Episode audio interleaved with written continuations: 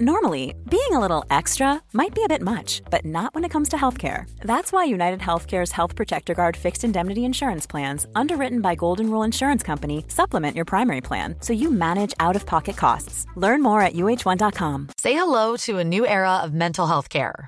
Cerebral is here to help you achieve your mental wellness goals with professional therapy and medication management support. 100% online. You'll experience the all new Cerebral Way, an innovative approach to mental wellness designed around you. You'll get a personalized treatment plan from a therapist, prescriber, or both in a safe and judgment free space. Your cerebral therapist or prescriber will outline a customized plan with clear milestones along the way so you can get to feeling your best. With Cerebral, you're not alone in your mental health journey. We're here to empower you to live a fulfilling life. So take that first step towards a brighter future and sign up today at cerebral.com slash podcast and use code ACasts to get 15% off your first month. Offer only valid on monthly plans. Other exclusions may apply. Offer ends July 31st, 2024. See site for details. Men det är ju därför jag gillar det här begreppet strategisk mediokritet. Att tricket är inte att vinna 100-metersloppet eller just denna etappen, utan tricket är ju att vinna på lång sikt, att vinna maratonloppet, att stå där som segrare över tid. Du lyssnar på Rika Tillsammans-podden som handlar om allt som är roligt med privatekonomi. I den här podden får du varje vecka ta del av konkreta tips, råd, verktyg och inspiration för att ta ditt sparande och din privatekonomi till nästa nivå på ett enkelt sätt. Vi som gör den här podden heter Jan och Caroline Bolmesson. Idag eh, är det dags för avsnitt 271 och det är ett samarbete eh, och ett sponsrat avsnitt av Lysa som eh, liksom vi har gillat de senaste fem åren och idag så har vi bjudit in då Patrik Adamsson som är vd och en av de tre grundarna till Lysa. Och eh, vi pratar mycket om makroläget, faktiskt förvånansvärt mycket om det ekonomiska ja. läget i världen. Ja. Men det är spännande för Patrik har ju, liksom han är ju påläst kan man väl säga, eller ja. liksom har åsikter om makroläget. Sen pratar vi om den liksom medianspararen, genomsnittsspararen hos Lysa, hur det har sett ut med inflöden, utflöden. Vi pratar ganska mycket räntor mm. eh, idag också eh, faktiskt. Och eh, sen så fick vi in massor av läsarfrågor från er i forumet, i Riketillsammansforumet. Eh, och, eh, men det, det, det pinsamma är att i hela detta avsnittet så tror jag inte vi tar upp en enda läsarfråga, för att jag hade så många frågor själv. Men där finns ett bonusavsnitt. På typ med bara läsarfrågor? Med bara läsarfrågor, ja. eh, som kommer lite, lite senare. Och eh, som sagt, Lysa är ju det där vi själva har placerat våra pengar. Det är det som vi brukar rekommendera till alla och, och spara. Och det finns en sponsrad länk till det i beskrivningen eh, också. Sen tror jag i och för sig nästan att alla som följt oss rätt länge har redan Lysa. Eh, mm. Men eh, eh det Eller vet vad det är. Men jag tyckte ja. också det var kul eh, att Patrik liksom har satt namn på den här nya, han, alltså nya ekonomiska krisen som vi har. Just nu här precis Man vill ju ändå ha något namn på det. Ja, precis. Och vi har, man har ju så it-bubblan, finanskrisen och sånt. Mm. Här. Han kallar den för plånblo, plånblurb, plånbokskrisen. Så att vi, vi får se om det fäster eh, eller liksom att om det är här det börjar på i, liksom i detta avsnittet, eh, helt enkelt. Vem vet? Så, men eh, då tänker jag att eh, vi, vi kör igång helt enkelt. Så varmt välkommen tillbaka Patrik Adamsson. Du är ju vd och en av grundarna till fondroboten Lysa. Du har ju en bakgrund i, lång bakgrund inom finans, bland annat på Merrill Lynch i London, jobbat med private equity, du har eh, jobbat på Nordstjärnan och sedan tror jag 2017 Eh, så lanserade väl Lysa och så har det varit Lysa sedan dess. Och eh, du har ju varit med ett par gånger tidigare i podden, så att eh, det ska bli jätteroligt att få prata idag igen. Så välkommen tillbaka! Stort tack! Jättekul att vara här igen. Ja. Det brukar vara så också många roliga frågor, så jag ser äh, verkligen fram emot det. Exakt, det blir, det blir massor av läsarfrågor idag, ja. i, idag också. Men du, jag tänker så här, är det något du vill lägga till på presentationen? Nej, det Nej. tycker jag inte. Vilka, vilka är dina två medgrundare? Det är väl Emily och eh, Henrik. Och Henrik ja. ja. För jag tänker så här att ibland så får de så väldigt lite cred, liksom så här, men de, de har ju också varit med. Ja, det, är, alltså, det är verkligen ett lagspel eh, att få en startup att lyfta och bli lite större, som mm. vi har blivit nu. Gå från i princip att förvalta några miljoner kronor 2017 till nu knappt 20 miljarder. Ja. Så, eh, för det, det, är lite roligt, för när du var här då, avsnitt 46, vilket jag räknade fram var 225 veckor sedan eller fyra och ett halvt år sedan, då var det ju typ 500 miljoner i förvaltat mm. kapital.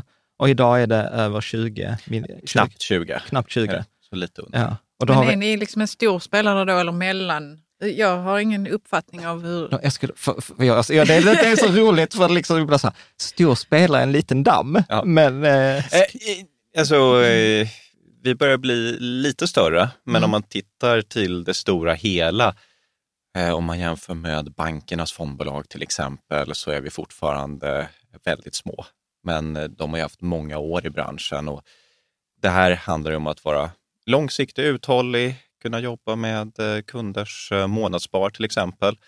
Så vi mm. växer mm. på bra, men mm. även om vi fortsätter växa på bra och snabbare än marknaden så kommer det ta lång tid innan vi kommer upp till de storlekarna. Ja, precis. Alltså, och tar man så här jämfört med sådana här typ Vanguard och Blackrock, ja, då, är och, då är man jättesmå. ju jättesmå. Men, ja. men självändamålet är ju inte att man ska liksom bli jättestora antar jag, men det kommer ju med bra arbete och att kunder gillar det och att de pratar om men jag, er. Men jag, brukar ju säga så här som vanligt så här klassiskt företagande, om man bara gör good shit så kommer växt eh, som, en, som en följd av det där. Mm. Så, så, är det absolut. att om, du, om kunderna tycker att du gör det bra och gör mm. det eh, bättre än konkurrenterna, eh, då kan du växa. Sen finns det ett litet självändamål ändå att vara stor, eh, faktiskt just i vår bransch. Och det är för att det finns så enorma skalfördelar när man förvaltar kapital. Så att om man är lite framåtlutad kan man då fortsätta att sänka avgifterna, göra det lite mer effektivt. Så att det är en anledning att vi idag när vi har 20 miljarder kan erbjuda lägre kostnader än vad vi kunde göra när vi började. Eh, jag tror snittkostnader för en kund har gått ner ungefär 0,05 procent eh, under de här åren. Har vi kunnat sänka. Mm. Mm.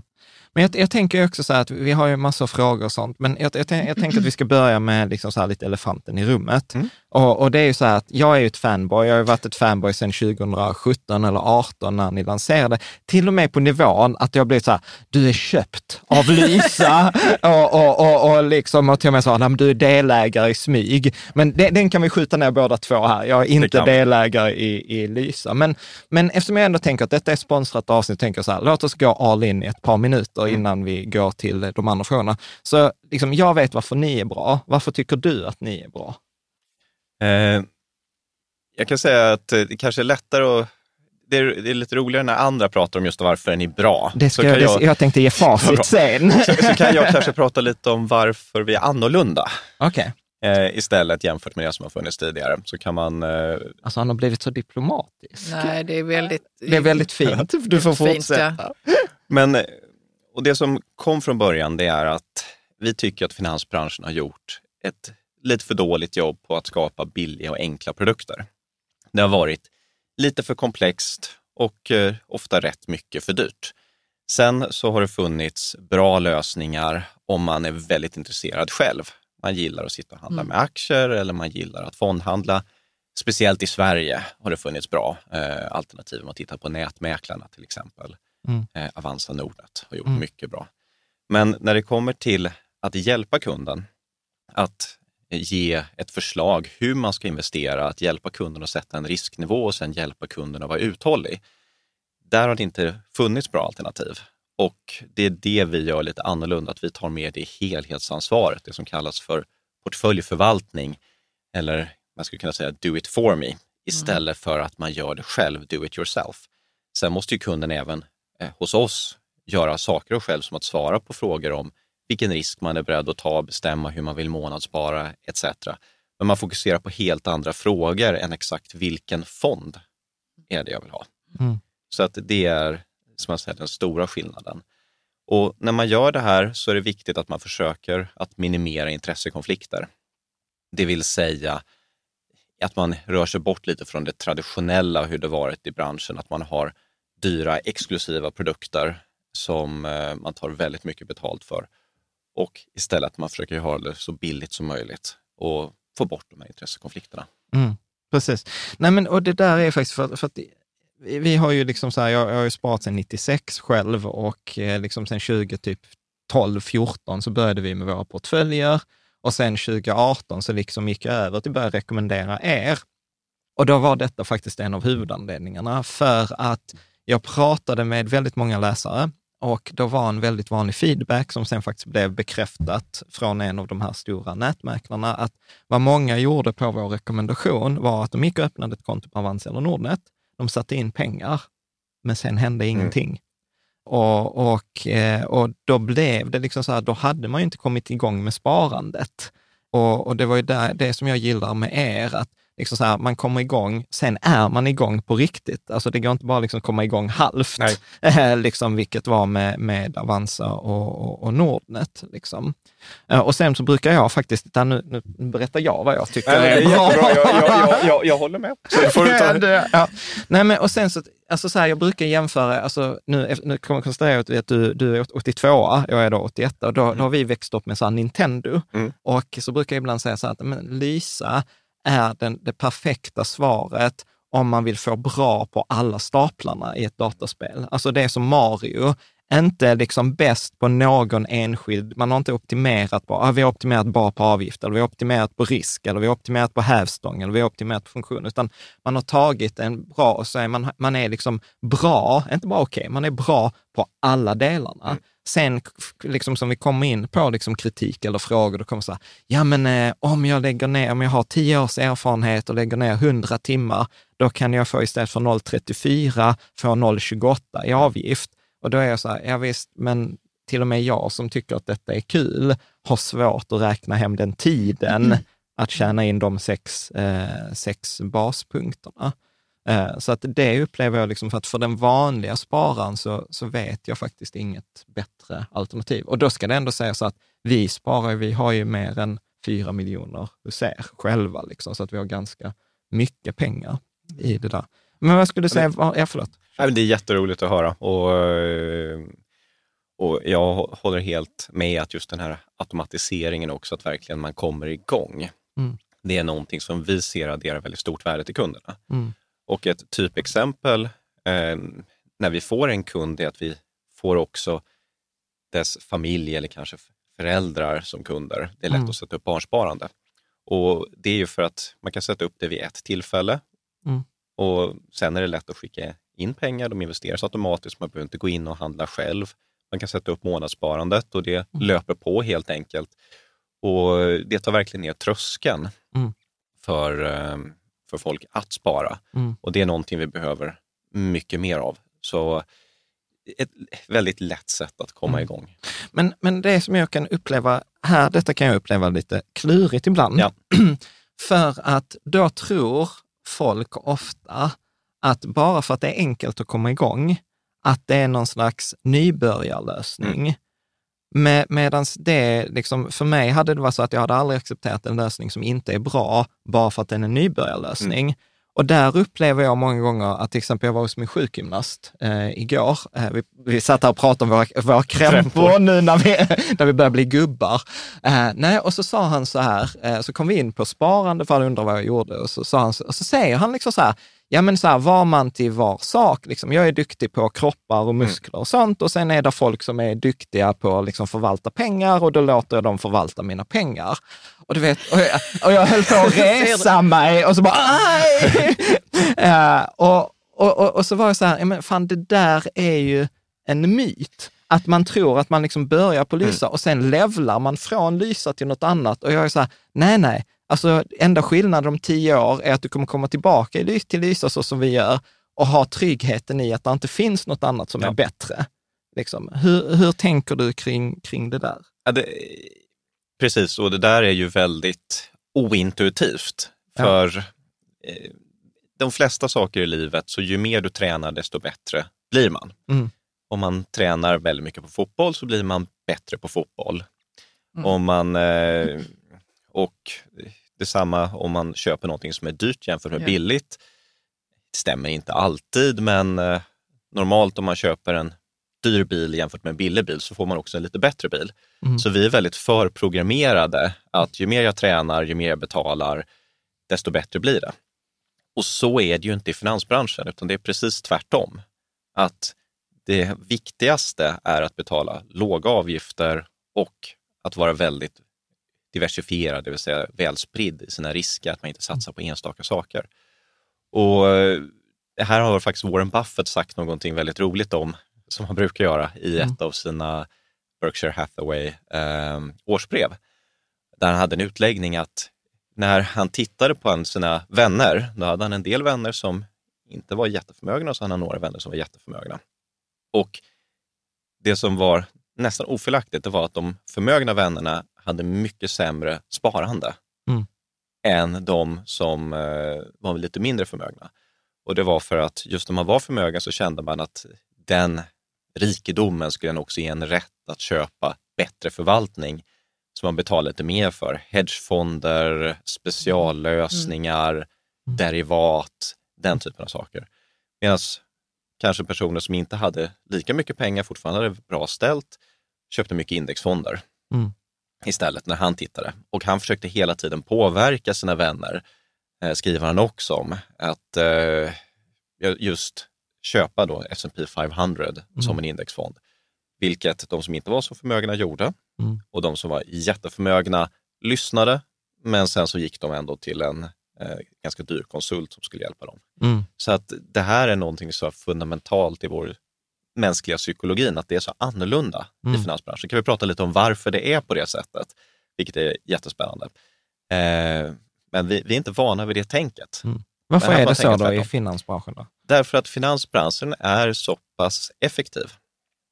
Och eh, om man tänker bara en aktiekurs, så är det så många olika aktörer som är välutbildade, som sitter med bra lön på stora investmentbanker, personer som sitter hemma och funderar, är den här aktien rätt prissatt eller inte? Och det som de gör då, de tar hänsyn till all information de känner till och sen så röstar man om vad är den här aktien värd? Och så får man ett slags ekvilibrium, en jämvikt. Vad är den här aktien värd? Och det visar sig att det är ett rätt bra medelvärde. Speciellt om man sen tar upp det som vi gör på 8000 bolag, så 8000 medelvärden.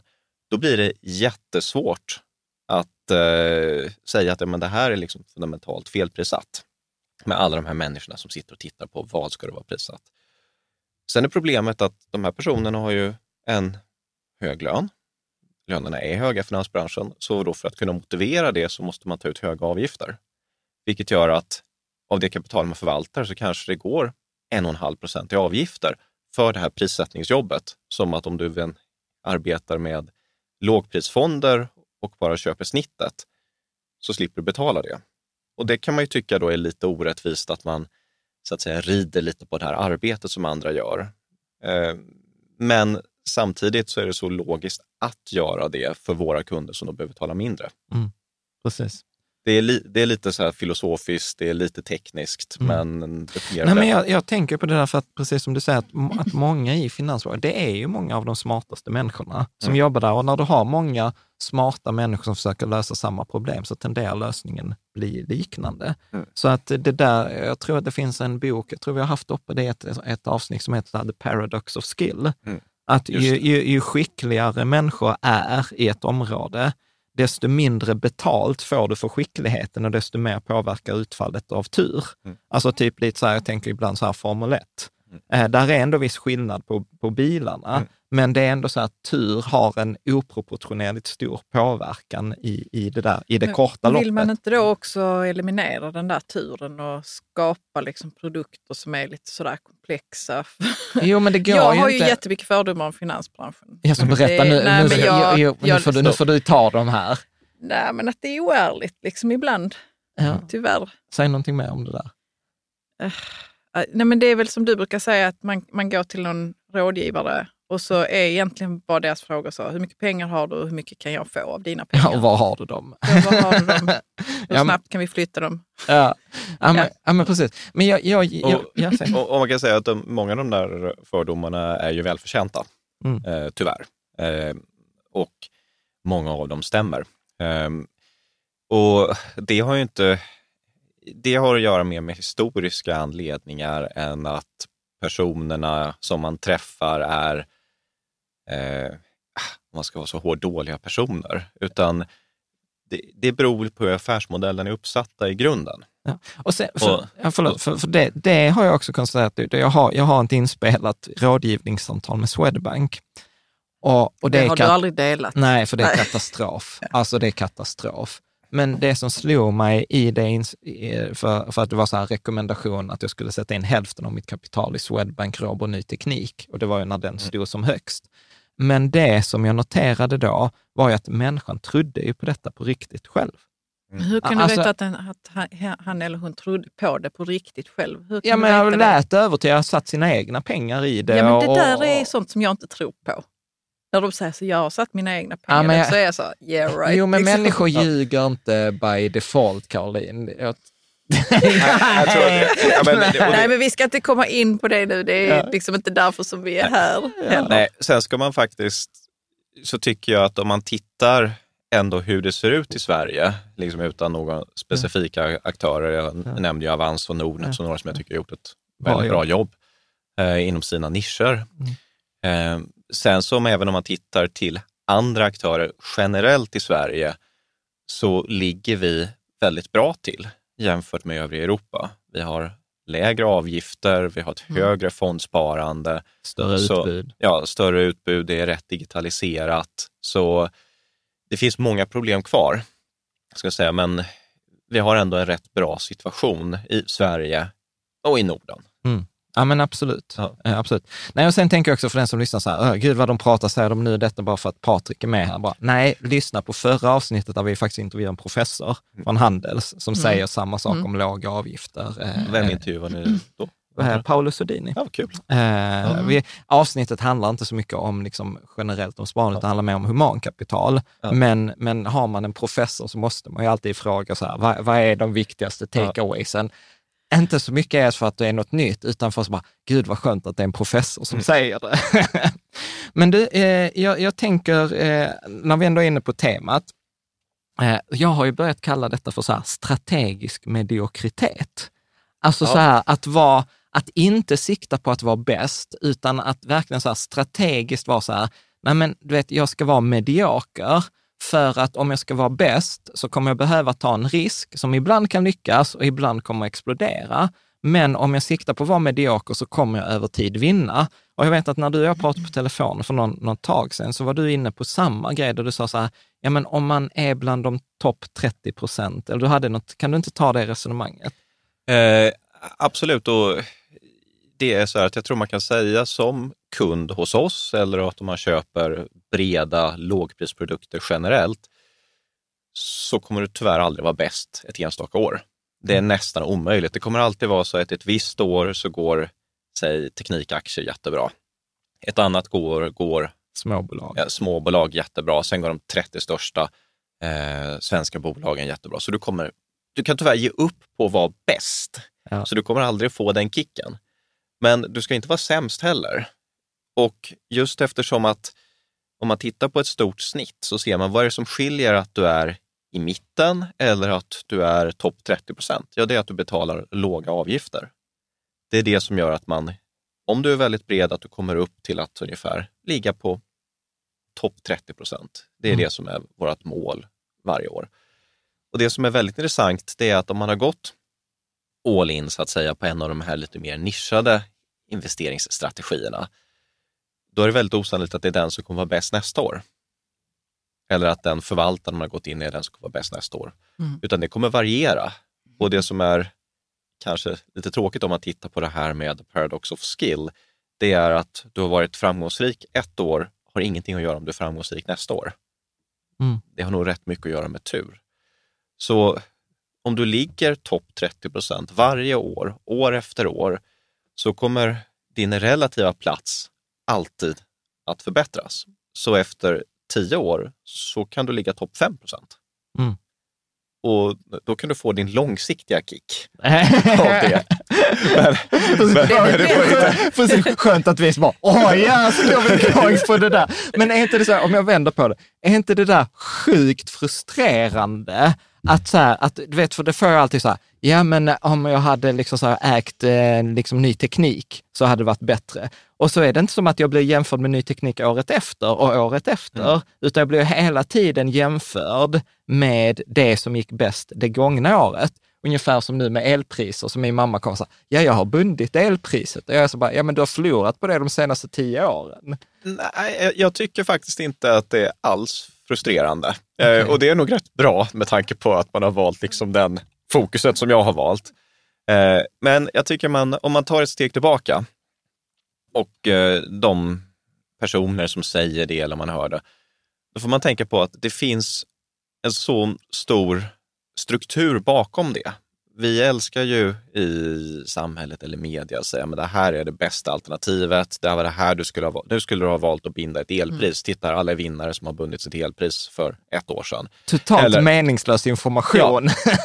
Men, eller att eh, det här är den bästa, jag har sett det som är det, det, är väl lite kanske frustrerande i så fall när andra finansiella, alltså professionella aktörer säger det här var bästa fonden förra veckan. Så det finns de som publicerar på LinkedIn. Det kan jag tycka är lite frustrerande. Men, men inte om man tänker liksom till kunder på det sättet, för då får man ta liksom att det finns väldigt mycket information som ger den här bilden. Mm. Och så att det blir lite mer av en utmaning att försöka resonera kring det. Mm. Och varför då jag, vi tycker att det är bättre att investera brett och ha den här lite mer mediokra strategin eh, mm. när man försöker kontrollera sina risker och vara på topp långsiktigt istället. Mm. Eh, jag tycker det är, det, är lite, det är lite rolig utmaning, men jag kan hålla med just när man ser för en del aktörer som då kanske vet om att man kan inte titta på så här korta eh, historiska liksom, eh, tidsserier och sen så ser man någon som publicerar, titta vår fond var bäst förra månaden, när de inte har publicerat något under förra tolv månaden, ja, då kan jag bli lite frustrerad. Ja. Vi hade ju det i det förra avsnittet med professorn, så sa han så här, ja men du vet, om du ska veta riskpremien mm. för aktier versus räntor, alltså en sån bara enkel grej, mm. som så här, hur mycket mer tjänar du på att investera i aktier versus räntor? Och, du ska, och så säger han så här, ja men tittar vi historiskt så ligger det någonstans mellan 4 och 8 procent. Mm. Men om jag ska säga att det är 4 plus minus 1 eller 2 procent, så är han så här, då behöver du 3 och ett halvt tusen års historik. så han där liksom så här, då hade du behövt börja mäta liksom på egyptiernas tid för att kunna säga det med säker, statistisk säkerhet. Så, ja. att, så att eh, det ger också ditt så perspektiv. Ja. Eh, liksom. jag, jag hade gissat på en kortare tidsperiod, ja. men jag ska ja. det jag, jag har säkert återgett det fel, vi, ja. vi får, man får gå tillbaka, men det var i alla fall men, så här, man behövde det, sjukt långa är, tidsperioder för att ens kunna säga något med säkerhet. Så är det och man behöver lite så att säga resonera från fundamentala principer. Alltså vad är ens investeringsstrategi? Hur ser ens process ut? Vad är det som är mitt fokus? Ja, men, ja. Och då ett väldigt sådant fokus som jag då tycker är bra, det är väl diversifierat, låga avgifter och försöka att sätta risk, rätt riskprofil, det vill säga rätt risknivå. Ta inte risker ja. som man inte kan hantera. Ja. Och det är en, tycker jag, en väldigt liksom, bra sätt, balanserat att se på det. Till skillnad från en som är att men nästa år ska jag hitta det bästa området. Ja. Eh, om det vad det nu skulle kunna vara. Ja. Nej, men jag tror att det är ibland så här lite knyta, knyta handen i fickan, smila, säga grattis till dig, och sen så tänka så här, de som vet, de vet. Ja, och sen så får man ja, och sen så är det ju lite svårt, alltså man får ju också tänka lite på ett annat sätt, att om man tittar på eh, ett område som jag kan säga att jag inte riktigt förstår, jag har inte lagt jag, kan, jag har inte lagt den tiden som kanske jag tror inte jag har den tiden när man tänker på kryptovalutor till exempel och bitcoin. Eh, om man tittar tillbaka även nu när det halverats i år så tror jag på de senaste tio åren så är det det tillgångsslaget, om man ska kalla det, som har gått absolut bäst. Och då är det klart att det är lite svårt att sitta och kritisera någon som investerade i bitcoin för tio år sedan. Ja. I det, för det var ju ett väldigt bra utfall. Ja. Men och här kan det ju vara något fundamentalt man inte förstår, men liksom sannolikhetsmässigt är det bättre att inte ta de extrem riskerna utan att fokusera på att just ha det så brett, billigt, rättningsnivå. Mm. Mm. Men Patrik, har du själv några bitcoin? Nej, jag har faktiskt inte det. Mm. Jag har aldrig köpt en kryptovaluta. Nej. Och det kan jag säga, det beror på eh, att jag inte förstår tillräckligt bra. Ja. Eh, det är lite så jag fungerar, att om jag ska investera i någonting så vill jag förstå det väldigt fundamentalt. Ja. Mm. Men så här, var har du dina pengar då? Nu, ja. nu, finns det bara ett rätt svar, Patrik. jag, jag, jag, har faktiskt allt på, eh, just på Lusa. Sen ja. så kan jag ju inte... Sen har jag för att betala fakturor och liknande på en av storbankerna. Och eh, sen mina gamla tjänstepensioner är ju inte någonting som vi kan ta emot än. Så då har jag det på en av nätmäklarna. Ah, titta, jag, hör, jag hörde ett litet N. Det, kom, det, kom, det kommer, det kommer en fråga. Så för, det är roligt, lite roligt, för så här brukar vi göra med våra barn. Ja. När de säger så här, ah, men jag är inte duktig på basket och så vidare. Än. Ja. så att jag är så här. Ja. Men, men jag tänkte vi ska avrunda den där strategisk mediokritet. För här måste jag citera Morgan Housel. Han har skrivit den här boken Psychology of Money. Jag vet inte om du har läst den. Fantastisk bok. Då skriver han så här. Average returns for an above average period of time equals extreme outperformance. Mm. It's the most obvious secret in investing. Ja. Och sen också, och detta är liksom inget nytt, för vi har, det, detta har jag inte kollat upp, eh, utan det var så här, Napoleon sa så här att de bästa, eh, den bästa generalen, förutom den som hade tur, för han var mm. så här, hellre en general med tur än en general som är mm. skicklig. Men eftersom jag inte vet sa om... han det? Ja, det sa han. Alltså det bästa du kan ha är en general med tur. Men han sa så här, du kan inte bygga en armé på en general med tur. Men då sa han så här, eh, en, eh, en framgångsrik general är en person som kan fortsätta göra en sak med genomsnittligt resultat när alla andra runt honom beter sig som galningar. Mm. Ja, men det är bra. Och om man ska säga det här med, det var väl Ingmar Stenmark tror jag som mm. sa att ju mer jag tränar desto mer tur får jag. Mm. Sen finns det väl en, men jag vet inte riktigt hur, tur som strategi är nog ingen, Nej, det är ingen... In, ingen jättebra grej. Det finns en gammal historia också när det var jättepopulärt uh, att bli pilot. Uh, det, kan, det, är det fortfarande tror jag, men det är lite mer utsatt yrke ja. nu än vad tidigare. Då fick man så mycket ansökningar så att man tog den här högen med alla ansökningar och sen så var det, tog man hälften och så slängde man det i papperskorgen. Och då var det någon annan person som sa, men vad, vad gör du? Alltså, du kan ju inte ta och slänga hälften av ansökningarna. Och då sa han som skulle gå igenom dem så här, men skulle du vilja ha en pilot som har otur? så att, de var de som har tur och var kvar. Ja, Men jag tycker eh, just det här med tur och finansbranschen och så, alltså att jag har tänkt mycket på att det är match, alltså det känns som macho liksom, i finansbranschen. Och det är kanske också därför som det historiskt sett inte har varit så mycket kvinnor där, för man känner inte sig hemma i det. Liksom. Men när det gäller Lysa så tycker jag inte det finns det minsta macho-attityd. Och jag, det vill jag bara säga, att jag gillar det jättemycket för det är så moget liksom, mm. och välbalanserat. Ja. Ja. Det är väl vi som börjar bli gubbar. Och att man inte håller på att förlita sig på tur och sånt. Tur och machoattityd hör ihop på något märkligt mm. sätt. Alltså. Ja, fast de skulle aldrig erkänna det. Nej, en machokille erkänner inte att Visst. det handlar så här. Det roligaste är ju de här människorna som man träffar. När det går bra så är det skicklighet och när det går, när det går dåligt så är det otur. Mm. Jag var så här, I love that. Liksom. Men du, eh, jag, jag, tänker så här, om vi, om vi tar en, apropå när vi är inne på detta, för egentligen handlar det inte om tur, det handlar om slump. Alltså mm. att, det är det som är, att det är det som är jobbigt. Men detta, detta som jag kommer säga nu, tycker jag är det jobbigaste, även inom oss som gillar strategisk mediokritet. Och det är så här, att många, eller liksom så här, bittra sanningen är ju att vissa av de saker som kommer påverka vårt sparande mest, har vi ingen kontroll på. Mm. Och, och det gjorde jag häromdagen, så satt jag och kollade på en graf eh, där jag tittade på den genomsnittliga årliga avkastningen per decennium. Mm. Och så var det så här, en investerare på 90-talet, som alltså investerar från 1990 till 99, och underpresterade index, alltså var riktigt dålig, eh, underpresterade med 5 procent per år, fick i genomsnitt 16 procent om året. Mm. En, en investerare på 2000-talet som överpresterade index mm. med 5 procent fick typ 11 procent i genomsnitt. Så liksom att även om du är kass under en bra tioårsperiod mm. så får du bättre resultat än någon som gör, tar alla bra besluten ja. under en dålig tioårsperiod. Mm. Så att liksom var, så, så kontentan var en som skrev detta så här på Twitter, så här, don't pray for alpha, pray for beta.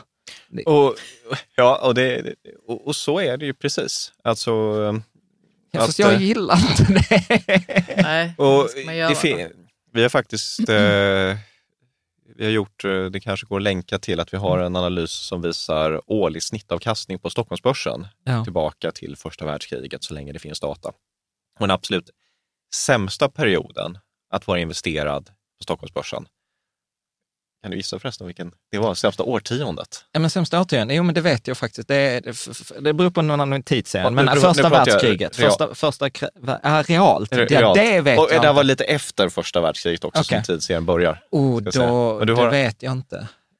Nej, det vet jag inte. 39, nej, 39. Nej, det som den datan visar, det är faktiskt 70-talet. Jag ja. tänkte det. Ja. Sa jag inte det? För en gångs skull. Men varför var det det? Var det någon inflation. oljekris? Inflation. Eller? Inflation. inflation. Ja. Mm. Och det kommer vi kanske komma tillbaka till, ja. hur det ser ut nu um, i just världsekonomin. Men då fick man ungefär under den tioårsperioden i realavkastning, man investerar aktier, ungefär 1 procent mm. per år.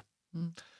Och det ska man säga att det som är lite eh, det här med aktier att investera, det är dels ett absolut spel, men det är också ett relativt spel. Och det jag menar med det, det är att eh, de stör, det man hoppas att man ska göra med sina pengar, tycker jag i alla fall, det är att man får användning för dem. Det vill säga att vi sparar ju pengar kanske dels för att ge en framtida generation eh, en bra grundplåt eller trygghet, men också för att vi själva ska kunna använda det. Kanske vid något tillfälle köpa det här eh, sommarstugan eller något liknande. Och i en sån period när det är låg avkastning på börsen, då kommer också priserna på det man kan köpa inte sticka iväg på samma mm. sätt. Så eh, om man tittar på prisutvecklingen på, nu har jag inte den här datan utan, mm. utan det är bara ungefärligt. Så eftersom alla, även den som eh, fick 5% sämre avkastning i index, eh, blev mer förmögna under 2010-talet, mm. så sticker priser iväg och sen konkurrerar man relativt om köpkraft med andra. Och det gör man också under 00-talet, eh, när då prisen inte stack iväg på samma sätt. Mm. Så egentligen vad de här siffrorna blir i procent är det jag försöker säga. Det, det, det, är klart att det är viktigt, det finns en absolut effekt, men det relativa, hur det ser ut gentemot andra i ekonomin och vilken köpkraft man har gentemot andra, har väldigt stor praktisk betydelse. Mm. Precis. Men om vi, om, vi, om vi tar det här då med inflation, mm. vad, liksom så här, hur, om du skulle, som Ola Morin, en av våra läsare, han sa, alltså så här, sen är det ju alltid kul att höra om makro. Mm. Vad är eh, liksom din eh, take. Och nu, nu, ska vi säga så här, detta är inget man ska basera investeringsbeslut på, utan detta är väl liksom lite... Vad tänker du med makro? Är det det stora perspektivet? Det stora, de, ja, men liksom så här, hur ser ekonomin ut i stort? De stora mm. penseldragen, typ man mm. ofta associerar man det med jobbsiffror, eh, mm. eh, liksom ränta, ja. eh, BNP-tillväxt och så. Hej, jag Ryan Reynolds. Recently, I asked Mint Mobiles legal team if big wireless companies are allowed to raise prices due to inflation. They said yes. And then when I asked if raising prices technically violates those onerous two-year contracts, they said, what the f*** are you talking about, you insane Hollywood ass?" So to recap, we're cutting the price of Mint Unlimited from $30 a month to just $15 a month. Give it a try at mintmobile.com slash switch. $45 up front for three months plus taxes and fees. Promo for new customers for limited time. Unlimited more than 40 gigabytes per month. Slows. Full terms at mintmobile.com. Normally, being a little extra might be a bit much, but not when it comes to healthcare. That's why United Healthcare's Health Protector Guard fixed indemnity insurance plans, underwritten by Golden Rule Insurance Company, supplement your primary plan so you manage out-of-pocket costs. Learn more at uh1.com. Och jag är ju ingen expert på makro, eh, mm. ska jag säga innan jag börjar. Och jag har inte så mycket vy framöver vad som kommer att hända, men jag kanske kan ge mitt perspektiv på det som har hänt i alla mm. fall och kanske sätta det lite mer i en historisk kontext och vad det innebär för sparande. Mm. Och det som vi har varit med om, nu sitter vi här i september 2022, det senaste året, det är eh, rätt unikt eh, ur så att säga, ett ekonomiskt perspektiv. Och det är att vi har gått från, inte toppsiffror, men väldigt höga siffror i eh, konsumentkonfidens. Man mäter ju hur konfidenta, hur säkra är hushåll kring framtiden. Mm. Där vi hade eh, ganska höga siffror enligt eh, ECB, Europeiska centralbanken, för ett år sedan och de har verkligen sjunkit till botten. Mm. Så vi, vi, har gått liksom sån, eh, från, från åh, party till ja. att så här, jag är bakfull. Ja, eh, verkligen. Och det har gått väldigt snabbt. Det har gått större fall än det var under covidkrisen. våren 2020 och du måste i, i princip så har man inte fört den här statistiken så länge som krävs för att se sånt fall vi har varit med om. Mm. Och då kan man säga lite, vad beror det här på? Det är väldigt mycket drivet av inflation, plånboksfrågor. Om vi tittar historiskt brukar man ju sätta ett namn på olika kriser. Vi hade finanskrisen, vi hade covidkrisen, innan det hade vi dotcom-krisen och sen hade vi fastighetskrisen. Det här kanske blir plånbokskrisen tyvärr. Mm. mm. Just att det drabbar hushållen i plånboken så mycket med stigande energipriser, stigande priser på mat, alltså fundamentala basvaror. Vi, vi befinner oss på ett ganska, ibland brukar man ju prata om den här Maslow-pyramiden av behov som vi har som människor. Vi är på en ganska fundamental nivå i den. Hela vårt samhälle är uppbyggt kring energi och det är klart att vi vill kunna äta bra. Så att eh, det tycker jag är väldigt eh, bekymmersamt, mm. eh, just den här krisen, om jag tittar tillbaka på tidigare. Och jag tror att det vi ser nu där vi står, det är nog den största försämringen i eh, levnadsstandard Eh, för vad människor kan spendera i för en bra levnadsstandard sedan 70-talet, som vi var inne på tidigare. Och det är något som då vi i vår generation och inte så många generationer, kanske ingen generation som arbetar nästan, du måste nästan vara, du måste vara över 65 år för att ha upplevt det här sedan tidigare, har varit med om. Så det här är någonting väldigt nytt. Och ett, också ett, ett scenario som inte är särskilt... Eh, Alltså det inträffar från tid till annan, men det är inte sannolikt att det inträffar för ett enstaka år. Så det här som vi har varit med om nu, det, det kommer att vara rätt unikt. Mm. Och det kommer fortsätta ett tag till innan vi är igenom det här krisen. Mm. Men samtidigt så går det ju i cykler också. Så ja. Jag måste alltid lyfta det lite längre och känna så här, men det är inget speciellt egentligen. Det är bara att jobba på. Ja. Men, men, för det är lite jobbigt det du säger. Ja. Det är det. Och, det, det, och sen så ska man säga samtidigt om man tittar i det här i ett, som jag gillar, ett längre perspektiv, att nu tittar vi tillbaka 100 120 år till början av 1900-talet. Då, om det inte händer någonting eh, ytterligare hemskheter med, eh, vi har ju ett Rysslands anfallskrig i Ukraina, det kan mm. ju accelerera, det finns andra geopolitiska risker. Men om vi säger att inte någon av dem så förvärras avsevärt, så är ju inte det här någon av de värsta kriserna mänskligheten har gått igenom de senaste 100-120 åren. Mm. Utan det finns ett antal som har varit värre. Mm. Speciellt då första, andra världskriget, lite och såg ut på 70-talet. Um... Ehm. Mm.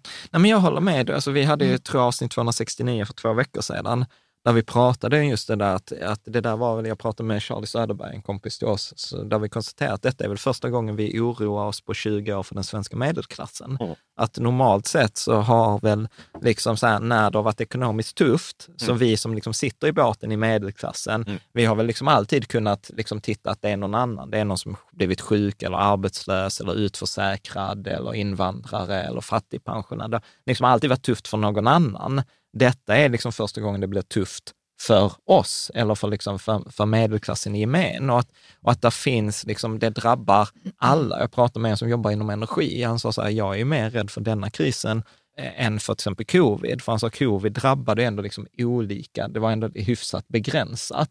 Medan detta drabbar företag, det drabbar hushåll, det drabbar de som bor i hus, det drabbar de som bor i bostadsrätt, i hyresrätt etc. Men lite som jag skrev i ett nyhetsbrev här också, tror jag den 26 september, att att detta kommer ju behöva göra att vi gör förändringar i vår, liksom, i vår ekonomi. Många av oss har börjat med energieffektiviseringar. Vi skojade liksom så här, mm. första frågan, så här, hur går det med huset, med energin? Liksom? hur många kilowattimmar har du använt i år? Ja, men precis. Just när vi spelade in idag så var det liksom en av de lägsta priserna i september. Då hade jag liksom kört eh, legionella-programmet i värmepumpen och laddat bilen. Och mina kompisar bara, ja, mina kompisar bara skrev så här, tönt Jan. Så att jag tror att det kommer komma massa mm. fördelar när vi är igenom detta också. Så kommer vi se fördelarna, men så de kommer, kommer ske under tiden. Ju. Ja, ja, ja, nej, men mm. absolut. Och det som eh, är lite bekymmersamt, eh, det är just att eh, om man tittar på svenska hushållen generellt, mm. så sparar vi alldeles för lite. Mm. Det finns de som är väldigt duktiga på att spara, men sen finns det en rätt stor del av alla hushåll som har väldigt små marginaler. Och de marginalerna äts ju in på nu och problemet är också att om man de som har lånat pengar för blankolån, där går räntorna upp. Så att eh, det är, jag håller med att när vi kommer igenom det här så kommer förhoppningsvis om man tittar på hushållen i snitt vara starkare, men det finns nu en period som är väldigt bekymmersam. Ja, kommer vara tuff. Absolut. Ja, kommer vara väldigt, väldigt tuff. Jag kan vara, och det är för att vi har haft några händelser, alltså den här perioden. Det är lite speciellt det som har inträffat, om man ska säga varför har vi hamnat här? Eh, den stora anledningen att eh, det nu sakta ner ekonomin, att vi ser framför oss att vi kommer få en recession. Vi kanske om enligt vissa mått redan har varit en recession, det vill säga att eh, tillväxten i vad vi producerar, BNP, är negativ. Eh, jag tycker det är en liten kombination av olika saker. Men det började med, och det här är mitt syn på det, jag är inte expert, mm. men mm. kan väl lite. Vi hade covid som ledde först till eh, att vi började efterfråga helt andra saker. Det blev en efterfrågechock, vilket gjorde att det var svårt att få tag på eh, olika varor, eh, vilket gjorde att de ökade i pris. Det blev en säger man, supply chock, tillgångskris på grund av att man inte kunde skeppa varor, vilket gjorde att om man ville köpa en ny bil till exempel kunde inte få tag på den. Det var mm. rätt många saker du inte kunde få tag på, vilket gjorde att priserna började gå upp på de här produkterna.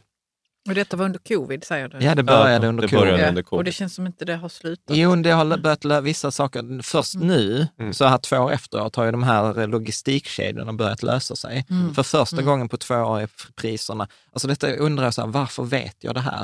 Att priset på containerskeppning från Kina är på tvåårslägsta. Alltså ja. det är så som min hjärna plockade upp typ yeah, här om yeah, dagen. Yeah. Och, nej, och det, det, är en jätteintressant observation. Eh, för att eh, det kanske betyder att om man tittar framåtblickande, vilket är jättesvårt, att inflationen ändå skulle kunna vara på väg ner. Mm. Men om man tittar lite i backspegeln så ser man fortfarande hög. Så då hade den här alltså covidkrisen med både problem med efterfrågan som skiftades, problem med att leverera varor. Och sen så ovanpå det så fick vi eh, energikrisen på grund av kriget i Ukraina, så man inte kommer gas till Tyskland, vilket får överspelningseffekter i andra europeiska länder.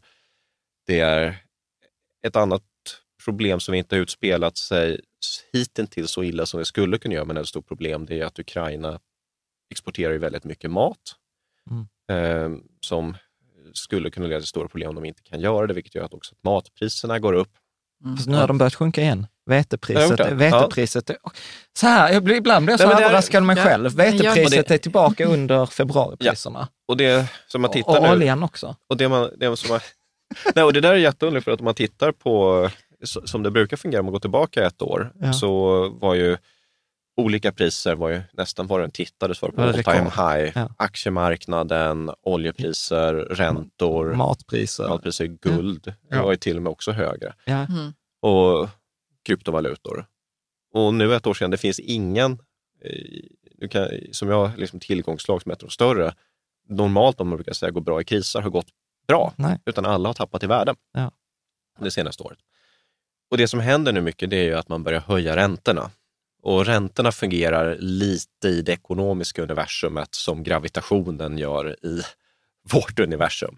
Att eh, när man eh, höjer gravitationen så blir allting lite jobbigare. Det är liksom man är närmare marken, det är lite svårare att röra sig. Och när man sänker gravitationen så på månen då kan man hoppa lite friare och det fungerar exakt likadant med räntor, alltså mm. låga räntor. Och, Vilken bra metafor. Ja, det, ja, det har jag inte hört på 25 det här år. Är faktiskt, det här är också faktiskt uh, Warren Buffett. Jag gillar okay. att citera honom, annars jag hade jag velat kunna ta, ta, ta, ta, cred, ta cred från den. Men uh, det, jag, jag, tycker det är helt fantastiskt. Ja, ja, ja. Mm. Och uh, den, det där är väldigt problematiskt nu ska vi se vad man gör med räntorna för att nu vill man sänka inflationen och så höjer man kraftigt. Om man ska titta lite i backspegeln kan man säga att det vi borde ha gjort för ett år sedan, Höjt ränta. det var att höja räntorna gradvis och inte slå till med stora höjningar mm. nu. Det som också har spett på inflationen, som jag inte nämnde tidigare, det är ju såklart de här stora stimulansprogrammen som kom efter covid. Mm. Speciellt i USA, men, lite, men även i Sverige när man har stimulerat ekonomin för att försöka få igång den och sen har man fortsatt att stimulera ekonomin. Mm. Mm. Och det har vi lite baksmälla från nu. Mm, precis. Nej, eh, nej, spännande. Det ja. ligger väldigt nära min tro också. Jag, jag om, man, om, om jag ska göra en gissning, återigen inget att man ska fatta beslut på, men jag, jag tror ju att att det är ju mycket en utbudsinflation. Mm. Alltså för mig, jag upplever att mycket står och väger här nu med löneförhandlingarna. Och Finansinspektionen skrev väl det mellan raderna nu också till facken. För helvete, sitt inte och höj lönerna nu med 5 procent så att vi får inflationen på liksom lönesidan. För att då, då måste vi fortsätta höja räntorna. Mm. Medan om, om, om vi kan hålla det på utbudet, då kommer priserna öka och när priserna ökar så är liksom lösningen på höga priser är ju höga priser. För då sjunker efterfrågan, sjunker efterfrågan, sjunker priserna, sjunker priserna så kan man sänka räntan. Liksom. Och, ja, och det kan man, men det är rätt mycket att fråga om liksom, fackföreningsrörelsen. Alltså, att man skojar du? Ja, alltså, och det som är speciellt här det är att ofta när man har sett inflation tidigare så har den varit driven av löner. Ja. Mm. Här har det inte alls varit drivet av löner Nej. på det sättet, utan det gör ju att vi i reella termer blir fattigare. Ja. Ja. Så det, och det som är annat som har inträffat också det är ju att normalt när man kanske ser inflation, alltså alla tillfällen är olika, men då har du också till exempel värden på hus, värden på lägenheter går upp som ett resultat av inflationen. Nu har vi sett stigande räntor och sjunkande värden mm. eh, på hus och det är en bekymmersam kombination. Jag har använt ordet bekymmer några gånger, men jag tycker man ska vara lite bekymrad. Ja. Eh, för att eh, det här slår så hårt på plånboken. Ja. Sen för att sätta det här återigen lite i kontext. Det, jag tyckte att när vi befann oss, jag var ju rätt nära finanskrisen i London när det skedde.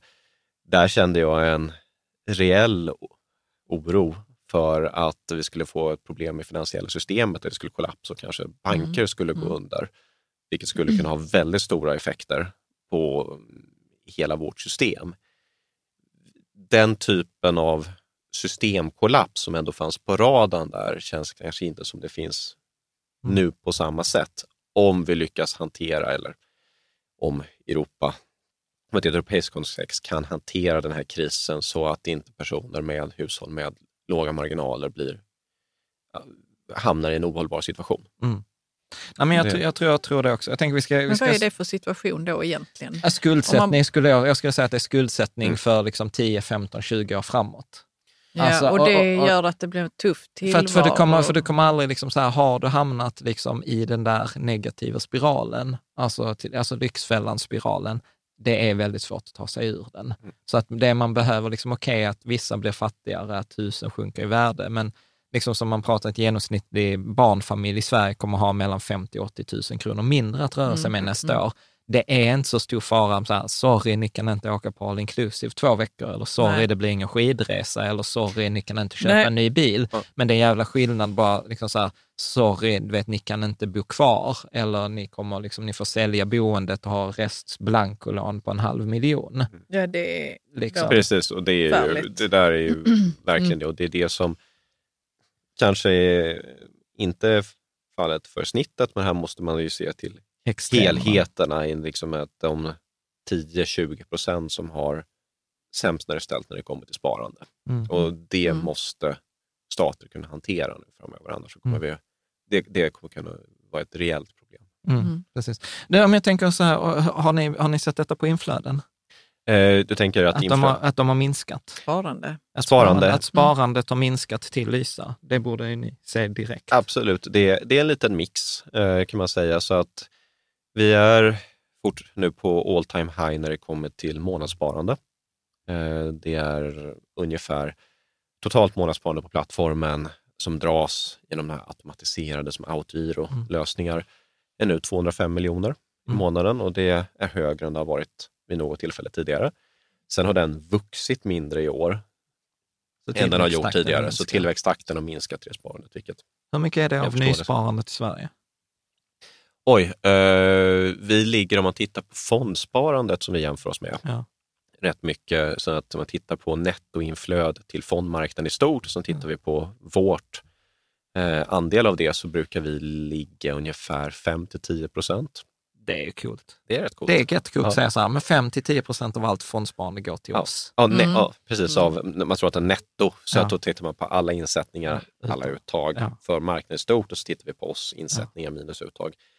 Eh, så, så, så, så att det där kan man se att eh, det växer på, men inte i samma takt. Vi har inte haft en enda månad i år med negativa nettoinsättningar, det vill säga att folk tar mm. ut mer pengar än man sätter in. Har ni slagit ut det på någon median eller genomsnitt? Alltså för att det kan ju öka för att ni har blivit fler. Ja. Men kan du säga någonting om den enskilde?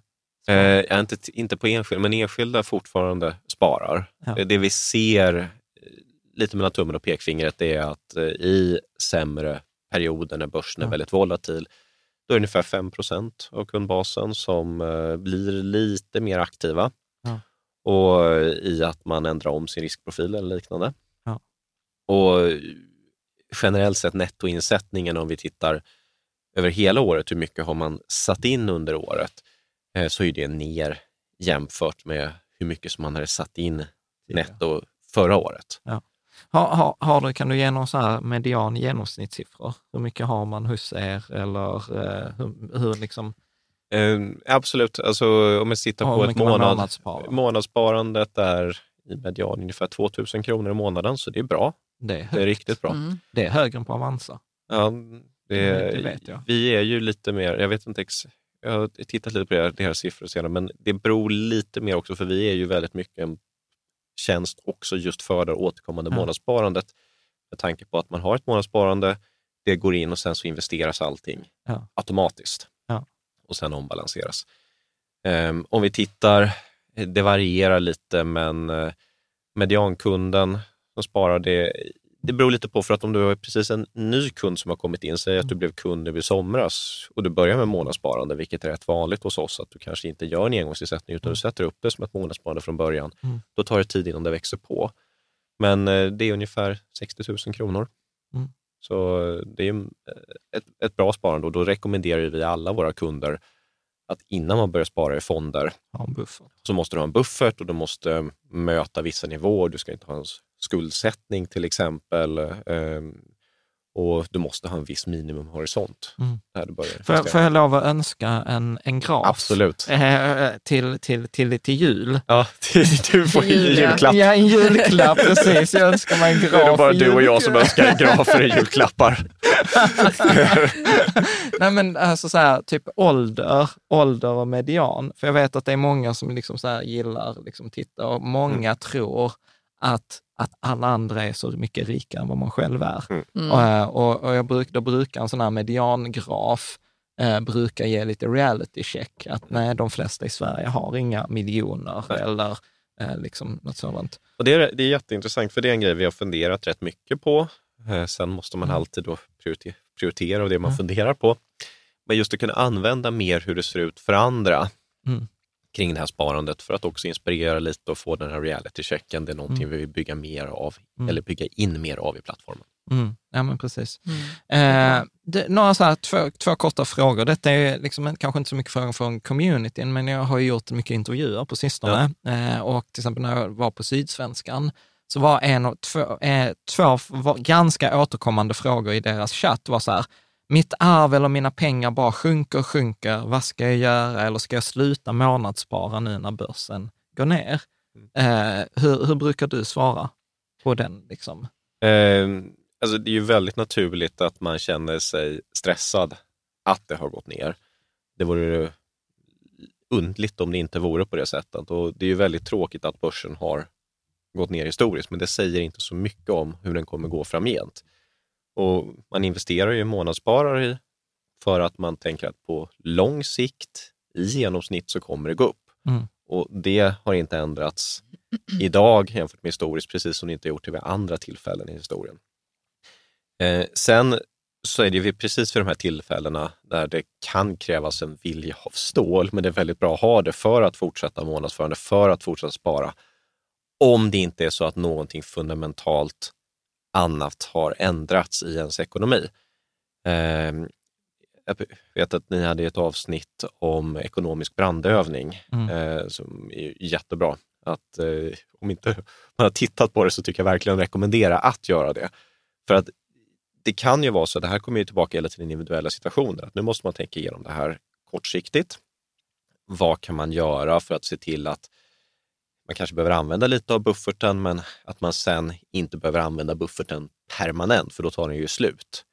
Så att man verkligen har satt grunderna på plats. Men när man har gjort det och känner att man har en stabil grund, långsiktigt är det ingenting som fundamentalt har förändrats, men det kan ändå vara ett bra tillfälle eh, att fundera igenom om man har rätt risknivå. Mm. För det kan ju varit så att man har valt en felaktig risknivå till att börja med. Um, nu, eller att man har tagit lite för mycket risk. Nu har vi rätt mycket kontroller kring det så att man inte ska göra det och vi har vårt förslag. Mm. Um, men om man känner sig att ja, men det kanske var lite för mycket risk man har tagit, då ska man inte ändra det bara för att man känner sig negativt och det är deppigt just nu. Men om det är någonting som fundamentalt har förändrats, det kanske är så nu att eh, man är mellan jobb eller att eh, man, har fått, man har varit tvungen att ta upp mer skuldsättning helt enkelt för att klara eh, energi, elpriser och liknande. Mm. Vilket man ju, kan ju bli nödvändigt eh, på ett eller annat sätt.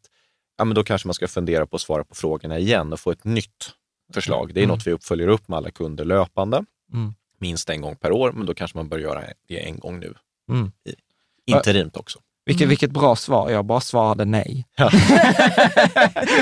men, det var, men du fick skriva ner det här i de här chattarna. Jag vet, får man skriva själv i chatten eller har, sitter man och dikterar? När man nej, nej, man skriver, nej, man, nej man, skriver, man skriver själv. Man skriver själv. Man skriver själv. Och, sen, och sen, jag skrev så här nej och så skrev jag så här eh, Nej, men jag, jag, skrev också så här att om inte levnadssituationen har förändrats, så att marknaden har förändrats är ingen anledning att Nej. byta strategi. Och sen brukar jag alltid tänka på Alltså så här, vi har ju alla sett så här Indiana Jones. Du vet, så här, du vet när han är på väg in i någon grotta och, eller ut ur en grotta och sen så kommer liksom det här fallet ner. Så tänker jag så att det är ju typ som på H&M ibland, vet när de har så här samarbete och rea. Du vet, folk springer och gör sådana här Indiana Jones-rullningar in under. Ja och liksom för att få tag på detta plagget. Men på börsen när det är rea så springer folk, så springer vi alla därifrån bara, ah nej, nej, sluta liksom. Mm. Ja. Så att det, och det tänker jag också, Förlåt. Ja. ja. Just det, jag, får säga, jag ska säga åt det lite sådär, mm. just det här rea-begreppet på börsen är ett begrepp som inte jag gillar riktigt. Ja, så, berätta. Nej, men för att det, det går, då ligger det något fundamentalt i att det är väldigt billigt nu. Ja, okay, och det är inte säkert att det är det, för vi vet inte hur det kommer gå framgent. Så att nu befinner vi oss i ett nytt läge, men börsen mm. kan fortsatt gå upp och den kan fortsatt gå ner absolut. därifrån. Så att eh, det, det, det, är absolut så när det har gått ner, om man tittar historiskt, att det är bra att fortsätta månadsspara på samma sätt. Men mm. det är inte heller så nu när det har gått ner i Sverige med 25 procent ungefär, man känner att nu ska jag dra upp månadssparandet mer och eh, nödvändigtvis på grund av det för att man tycker att det känns fundamentalt billigt. Nej, alltså, Nej och ska man titta på, ska man titta på lite, lite, lite studier på detta ja. på amerikanska börsen så har man väl konstaterat ner till minus 30 procent så har du ingen liksom överavkastning på att öka ditt sparande. Mm. Men vid 40 och minus 50 procent mm. så har du histor historiskt sett, och nu är inte historien någon garanti för framtiden, men då har du fått en extra avkastning mm. eller så en, en premie eh, på, på det där faktiskt. Men vet du vad, jag tänker att vi, vi har, jag bara känner så här, gud vi har pratat i en timme, vi har massor av roliga grejer kvar att prata mm. om. Så tänker jag så här, räntor. Ja. Räntor, lysa räntor. Eh, det har ju varit lite, lite sorgebarnet de senaste åren eh, hos er och jag upplever ibland att detta har jag slutat att säga, eh, men att en av fördelarna med Lysa är så att man får en bättre ränteportfölj än vad man kan sätta ihop själv. Mm. Och det jag påstår att det stämmer fortfarande utifrån den här beslutsprocessen. Men om vi tittar på utfallet så måste jag ju säga att i, år har det ju varit sugigt med räntor. För att det har, inte, det har inte varit en krockkudde. Jag tror att min 60-40-portfölj har gått lika mycket ner som min minus, liksom, eh, eller som min 100% aktieportfölj. Så min fråga är så här, tror du att vi kommer se att detta sorgebarnet kommer få sin revansch framgent nu när räntorna har ökat? Man kan ta lite, om man tar ett steg tillbaka och liksom går igenom lite vad som har mm. inträffat, så kan vi se att på eh, vi har ju två stycken alternativ. Vi har det mm. breda alternativet och sen så har vi det hållbara alternativet. Och eh, de har båda gått ner i år mellan 4 eh, och 7 procent. Räntorna, vilket, räntorna, räntorna ja. vilket är ju väldigt mycket mm. för att vara räntor. Um, och det har att göra med hur det har gått generellt för räntor. Mm. Så att om man tittar på eh, räntefonder i USA, breda räntefonder, så har de gått ner ungefär 15 procent i år. Och om man tittar i Sverige så har det gått ner ungefär 8 procent. Ehm, och då kan man fråga varför är det på det sättet? Vi vill ju att räntor är någonting som ska hålla emot, någonting som ska ge en mer stabil avkastning. Och svaret där är mycket kopplat till inflationen. Att inflationen har gått upp. Och, eh, och så, förlåt, sen, sen kan man bara bryta in. De har ju fortfarande bara, bara inom situation minus 8 mot börsen minus 25. Så de, de ja, har, fast så det, är det, men det, fast det, det, fast det, det är en klen tröst, exakt. kan jag tycka. Mm. Och det man kan, så det man kan säga där, eh, det är också att den här situationen är väldigt ovanlig. Om man går tillbaka de senaste, åtminstone till 70-talet, så tittar man på när det finns bäst data i USA mm. till exempel, så har inte en 60-40 portfölj gått så här dåligt vid något tillfälle tidigare, utan normalt så när S&P har gått upp, mm. så, eller förlåt, när den har gått ner, vilket är ett fåtal år, eh, så har räntor gått upp under de åren. Nu har båda sjunkit precis som andra tilläggsklasser har gjort och det är mycket på grund av de här framtida inflationsförväntningarna som vi har varit inne på. Och Det det innebär egentligen, för man kan fundera, det, det är svårare också att tänka kring varför går en ränta ner jämfört med varför går en aktie ner? Så kanske bara kan försöka spendera någon minut eller två på att bena ut det där. Vi har ett avsnitt 63 på en och en halv timme, men shoot. Okej, okay, vi tar det. Vi tar det. Mm. Ja, men det som, för då kan man säga, men vad är liksom räntor en obligation och varför gillar vi det? Jo, men det är för det finns, precis som i aktier, när man förväntar sig få en utdelning, så kan man förvänta sig att få en räntakupong och sen få tillbaka lånen. Så att det, här till exempel kan man säga att man har gett ett lån till en stat eller ett företag och så säger vi att vi har gjort det på 100 kronor. Så om fem år ska vi få tillbaka 100 kronor och sen så varje år fram tills dess så kommer vi få en krona i ränta, en procent. Så totalt kommer vi få tillbaka 105 kronor på det här lånet. Det som har skett nu är att inflationen har gått upp och räntan har gått upp. Det gör att de där 100 kronorna i slutet är värda mindre än vad de var för ett år sedan. Just eftersom att om inflationen är upp 10 procent så urholkar ju det värdet på dem. Det är inte riktigt som man kan tänka sig att ja, men det är ungefär 90 mm. kvar på kronor i mm. köpkraft vid det tillfället. Och sen så ges det ut nya lån nu hela tiden. Och de här nya lånen, på grund av att räntan gått upp, de kan man inte förvänta sig att ge ut till 1% ränta, utan nu måste man ge 3% ränta på de lånen istället. Och då kan man, eftersom räntor är ett finansiellt instrument, då kan man sälja det lånet som gav 1 och, då folk och så köper man dem som går 3% istället. Och som då ekonomin funkar, då värderar man det lånet mindre, som ger 1 och det som ger 3% mer. Så det är det som inträffat och det, är, och det som inträffat där det är med så stora inflationsförväntningar i många länder nu med mer än 10% det är ovanligt, men det är det som har drivit den här nedgången. Så, så, så, tumregeln är ju alltid så här, ökar, eh, ökar räntan så sjunker värdet på räntefonder, minskar räntan så ökar värdet. Så kan man säga, eller de går upp. Ja, det, det är som en gungbräda. Ja, mm. eh, och det är för att det finns alternativ då mm. som man kan köpa istället som ger bättre mm. ränta. Mm. Jag vet inte om det är Jo, jag, jag, tror det här avsnittet går igenom det här. Ja, ja, ja. mycket bättre. Men, det, det, men det är exakt, det är exakt mm. detta det, det handlar om. Och sen tillbaka till frågan då, så att det, men, men ja, ja, kör, ja, kör. Så att, eh, och då kan man säga, och det som vi försöker göra i vår räntefond, eh, det är ju att försöka göra det så brett som möjligt som man ska representera då med en övervikt mot Sverige, men också världen, lite hur den ser ut i sin räntemix. Sen hamnar man ungefär, inte en enda sån här lån, utan totalt blir ungefär 6 000 om man summerar det. Eh, bara för att ta bort de individuella företagsriskerna och statriskerna så mm. gott det går i alla fall. Det som är lite motsatt effekt på det här nu, det jag pratar om revansch. Mm. Ja, alltså det, eh, det kan fortsätta gå upp och ner beroende på hur inflationen rör sig. Men den förväntade avkastningen nu är ju högre än vad den förväntade avkastningen var för eh, ett år sedan. Just eftersom lånen nu förväntas, du kommer ändå i slutet av den här perioden få tillbaka den här hundralappen som vi pratade om. Så att om du håller fram tills dess, då kommer du få tillbaka 100 kronor men avkastningen fram tills dess blir mm. högre mm. än vad det var. Och det är därför alltid när vi pratar om räntor så brukar vi prata om vad man kan förvänta sig på räntesidan i genomsnitt över tiden. Mm. Men det har varit ett väldigt udda så att säga år. Mm. Men det är svårt att sätta en risk på det, men varje år så har man ett antal procentenheters risk att någonting inträffar. Och i år var det inflationen, höjda mm. räntor som har fått ett stort genomslag på räntesidan. Historiskt har du sagt så här, man kan väl förvänta sig över en längre tidsperiod att eh, aktierna ska ligga på typ 7 procents eh, nominell avkastning och räntorna på 0 till 1. Skulle du revidera? Jag hade nog sagt nominellt lite högre. Nu, eh, för, ja, även historiskt vad man skulle kunna mm. förvänta sig. För då brukar man prata i reala termer, alltså mm. efter inflation, vad man kan förvänta sig. Men, eh, och jag har inte exakt siffra nu, men den, om man tittar på räntor generellt i brett perspektiv så skulle man kunna förvänta sig lite högre. Mm.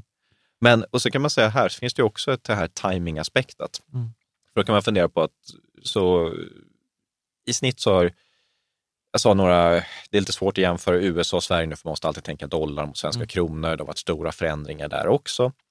Men man kan tänka lite så här över tiden också att det går ju, då kan en del säga att men det har gått mycket bättre för mina räntor. Mm. Um, och den som har varit den bästa liksom, räntestrategin, det hade varit det senaste året om man tittar historiskt på att ja, men jag hade tagit mycket risk på företag och sen så hade jag haft väldigt kort löptid. Mm. Mm. Och amerikanska. Och, och amerikanska. amerikanska. Då, har det varit, då hade det gått, då, då, då hade det gått väldigt bra. Då har du maxat Men 20, det finns, jag skulle vilja hävda att det finns väldigt många förvaltare också som tog en annan vy och hade ja. längre räntor och tog en annan typ av risk ja. som då har gått sämre. Ja. Och återigen, här är vårt, även om det är svårare på räntor än vad det är på aktier, att få snittavkastningen så som det ser ut. Precis, för, för mm. även där så tänker vi så här, på aktier så försöker vi äga hela höstacken mm. och så försöker vi göra på räntor också. Liksom. Ja, även om det finns inte index på räntor på samma sätt som det gör på aktier, så det blir det vi gör att vi köper flera olika räntefonder som är väldigt breda. Ja, precis. Är det några ni utesluter? Med tanke på att det ska vara en krockkudde i ens portfölj. Det är, vi har inte, egentligen, det är inte, inte utan det är lite mer eh, en helhet för effektiva värden som det är. Och det gör att vi också köper realobligationer, vilket hade ju kunnat vara en annan bra. Det betyder att obligationer som anpassas hela tiden för inflationen, jag tror det är ungefär 10 mm. procent mm. nu. Men det som är lite speciellt med de här höga räntorna höjda räntorna och inflationen, det är att även många realobligationer är ett negativ avkastning i år. Mm. Och om man tittar tillbaka hur det såg ut för två år sedan så hade de en väldigt kraftig förväntad negativ avkastning. Mm. Eh, så de har gått från väldigt dåliga till mindre dåliga. Ja. Eh, men, men där tänker jag ändå så att jag hade ju flyt i början av året. Alltså? ja, nej, men för vi har haft mycket diskussion på forumet och då skojar vi om liksom så här, return free risk ja. eller eh, då riskfri return. Mm. Liksom. Mm. Och då sa jag så här, ja men jag, jag sa så här, ja men okej, okay, vill du göra det enkelt så lysa 100% aktier och sen bankkonto med insättningsgaranti. Mm. Och, men det var ju bara ren flyt. Eh, men jag tänker, men det, verkar det, som att du är på väg att ja, säga men Det något. där är lite intressant också för att eh, om man tänker på det på det här sättet, då säg att du har tagit ett eh, säg att du låste in pengarna. Nu mm. kommer jag inte ihåg exakt vad räntan var, men säg att du tog ett låst in pengarna på två år för ett år sedan så fick du kanske då 1 procent ränta ungefär. Mm. Det är bara att du ser inte hur inflationen urholkar de där pengarna. Det ser mm. du på räntor. Men om du hade prissatt och sagt ja, men jag har låst in mina pengar nu på 1 procent ränta mm. i två års tid skulle du vilja köpa den av mig, Jan? Kan vi inte, kan vi inte byta samtalsämne? Nej, det kändes, kändes, kändes bättre när jag var, när jag var förstår, När du nu kan få, som det ser ut idag, kanske 1,75 istället. Ja. Och det här rör sig väldigt snabbt så att det var, jag gillar ju att läsa eh, eh, rätt mycket och försöka, mm. eh, när det kommer till liksom, olika idéer. Och det är många som argumenterade för att det var en stor bank som hade en special deal att om man låste in det, jag tror det var två, tre år på 2 procent mm. för några veckor sedan så kunde man få 2% ränta och låsa in det. Mm. Det var nog rätt många som gjorde det, men nu kan du få fria uttag på 1,75. Mm. Och det kanske är så att det är högre och då hade de 2% inlåst. Om det hade varit ett finansiellt instrument så hade du sett att priset hade sjunkit på det också. Ja, mm. ja precis. Ja, men så tänker jag. Det, det funkar inte riktigt så om du har fria uttag på samma sätt, men även och det är så svårt att gömma sig från inflationen för att även om man tänker att jag får 1,75 ränta, ja. inflationen har legat på säg 10 procent för att runda av, då tappar du ju rejält på den ja. investeringen. Mm. Ja, men precis. Det finns ju liksom ingenstans att gömma sig. Det är ju det, det, är det som har varit så svårt. Mm. Men där tänker jag också så här, en anledning till att det har gått ganska bra för liksom Lisa-portföljen skulle jag säga att Eh, håller du med om att det är USD, att liksom hälften ligger liksom i USA eh, mm. av aktierna och, eller räntepapperna? Att det har gått bra för globala indexfonder ja. istället ja. det har gått relativt dåligt för Sverige. Ja, men precis. Jag tror, jag tror faktiskt jag skrev ner det här nu och kollade innan vi började spela in att svenska börsen är ner 25 procent, Eh, MSCI World är ner minus 6. Eh, och jag tror... Är det för att den är större? Att det är mer... Eh, Nej, att... I, men när du säger minus 6, då är det mätt i svenska kronor? Mätt i svenska kronor, precis. ja precis. Så att det där är och det här är ju lätt att gå... Och det är någonting eh, liknande med den breda portföljen. Jag har inte siffrorna exakt mm. nu, men, men det här är lätt att gå fel också tankemässigt. Mm. Och varför kanske året för Sverige hittills har varit sämre än det ser ut. Mm. Mm. När man sitter i Sverige så ser vi att okej, okay, börsen har gått ner 25 procent. Mm. Den amerikanska börsen är ner ungefär också 20-25 procent. Mm. Men sen har vi tappat den svenska kronan också mot dollarn nu. Jag tror det är ungefär 25 procent också. Mm. Vilket gör ju att om du är amerikan och du har investerat i svenska börsen, då är det ner 50 procent mm. på den investeringen. Ja. Eh, så att, eh, och det är inte, även om man kanske tycker det är trevligt i Sverige, det är inte, det är inte så att eh, jorden, världen cirkulerar kring oss. Mm. Utan vår köpkraft jämfört med internationella investerare har eroderats på grund av att kronan mm. har försämrats. Det borde ha hjälpt våra exportbolag mm. att kunna exportera mer, vilket gjorde att de borde fått en positiv effekt på sin aktiekurs, vilket de säkert också har fått, men även med det är det ner 25 procent. Mm. mm. Och det är därför det här året som sagt dåligt för Sverige, men det ger en ex, väldigt bra bild på varför du vill vara diversifierad mellan olika länder. Mm. Men, men där har alltså, vi... sprida riskerna på olika länder. Ja. Ja. Men det, där, där har vi i forumet nördat lite, liksom resonerat här. Man ska ju inte eh, liksom hålla på och pilla, men liksom, känslan är ju att man vill ju tilta mot Sverige mer nu. Liksom. Varför är känslan det? Ja, det tänkte jag också fråga. Nej, men alltså, om du ska ombalansera mellan, då har ju liksom dina utländska aktier gått väldigt bra och dina svenska aktier har gått sämre. Mm. Då liksom säljer av lite där för att balansera lite till Sverige. Men då säger du att den historiska avkastningen kommer ha en stor liksom påverkan på den framtida kommer se ut? Att det går. Eller? Ja, vi får, ja, jag vet så att man vill köpa kanske... mer i Sverige för att det har gått ner? Ja, för, för att, det, det har chans att gå upp? Ja, för, att, värder, ja, för att ja. värderingarna på de svenska bolagen verkar... Jag vet inte. Jag, Nej, jag, känner, jag känner att jag är ute på hal is här. Jag tror ja, jag får... men det, är, det är väldigt bra lätt takeaway att, från, som det, vi har fått idag. Det är ju att det, att det är inte rea kanske. Riktigt så. Nej, jag tycker inte man ska se det som det. Alltså, det är inte så att vi kan förvänta oss att börsen ska gå upp väldigt mycket mer för att den har gått ner, men vi kan förvänta oss att de här 7-8 procenten över tid det hindrar inte för att det skulle kunna gå ner ytterligare 25 procent i Sverige. Det hoppas vi verkligen inte. Nej. Men det är ingenting som säger att för att det gått ner 25 procent så kommer det inte gå ner 25 procent igen. Nej, men det, men, håller, jag, det håller jag med ja. om. Men, men jag, jag, tycker... Ja. Men vänta, har inte vi haft ett sånt avsnitt där det har varit så att någonting har gått ner så 25 procent mm. och sen ja. gick det ner 50 procent? Jo, så det... tänker man så nu kan det inte gå nej, ner men det, men det, Och då jag, gick det ner. Nej, men jag, jag, jag, jag, vet, jag kan, men jag kan exempel, exemplet låter så här. Föreställ dig att du har, din, du, har dina 100 kronor mm. och sen halverar du dem. Ja. Mm. Eh, eller inte, inte 100 kronor. Föreställ dig att du har ditt sparade belopp som ja. du har. Sen halverar du det en gång. Sen halverar du det en gång till. Sen För det är så börsen går. Ja, sen mm. halverar du det en gång till och sen drar du ifrån 10 procent. Ja. Och då, då ska du, börjar du på 100 kronor så är det ner till 50, ner till 25, ner till 12,5, 10 procent, då 1,2 kronor så du är tillbaka på 10, så det är 90 procent i nedgång. Mm. Och det var toppen 1929 eh, till botten 1931. Då var det minus 89 procent. Mm. Och det var exakt den här. Så att det, ja, det är klart att det kan gå ner på det ja, sättet. Ja, men vi tror ju inte att mm. det ska göra det. Men det tror vi inte. Nej, det, det, nej, men, det, det är extremt Jag tror man ska säga att det är väldigt osannolikt. Ja. eh, kan vi säga. Men... Eh, ja, jag känner att jag virrade bort mig här. Men, eh, nej, jag, men alltså, det är väldigt intressant för att eh, det visar lite hur de här, och det gör jag också, liksom, ja. Eh, jag tycker att du virrar bort dig lite. Ja. Det gör jag också rätt ofta. Och det här är ju på grund av att vi är ju liksom bara människor och vi har väldigt stort bagage när det kommer till psykologi. Och det man pratar mycket här, att man ankrar på en gammal värdering. Bara för ja. att det var högt vid ett tillfälle historiskt så borde det gå upp igen. Mm. Och det är bland de vanligaste felen man gör. Bara för att man har betalt om man ska ta ut ett bolag, liksom, ja. att betalt väldigt mycket en gång i tiden för Fingerprint så måste den komma tillbaka till den nivån någon Nej, gång så, igen. Ja. Och om, så är det inte, utan man kan egentligen ta all den här historiken och slänga den.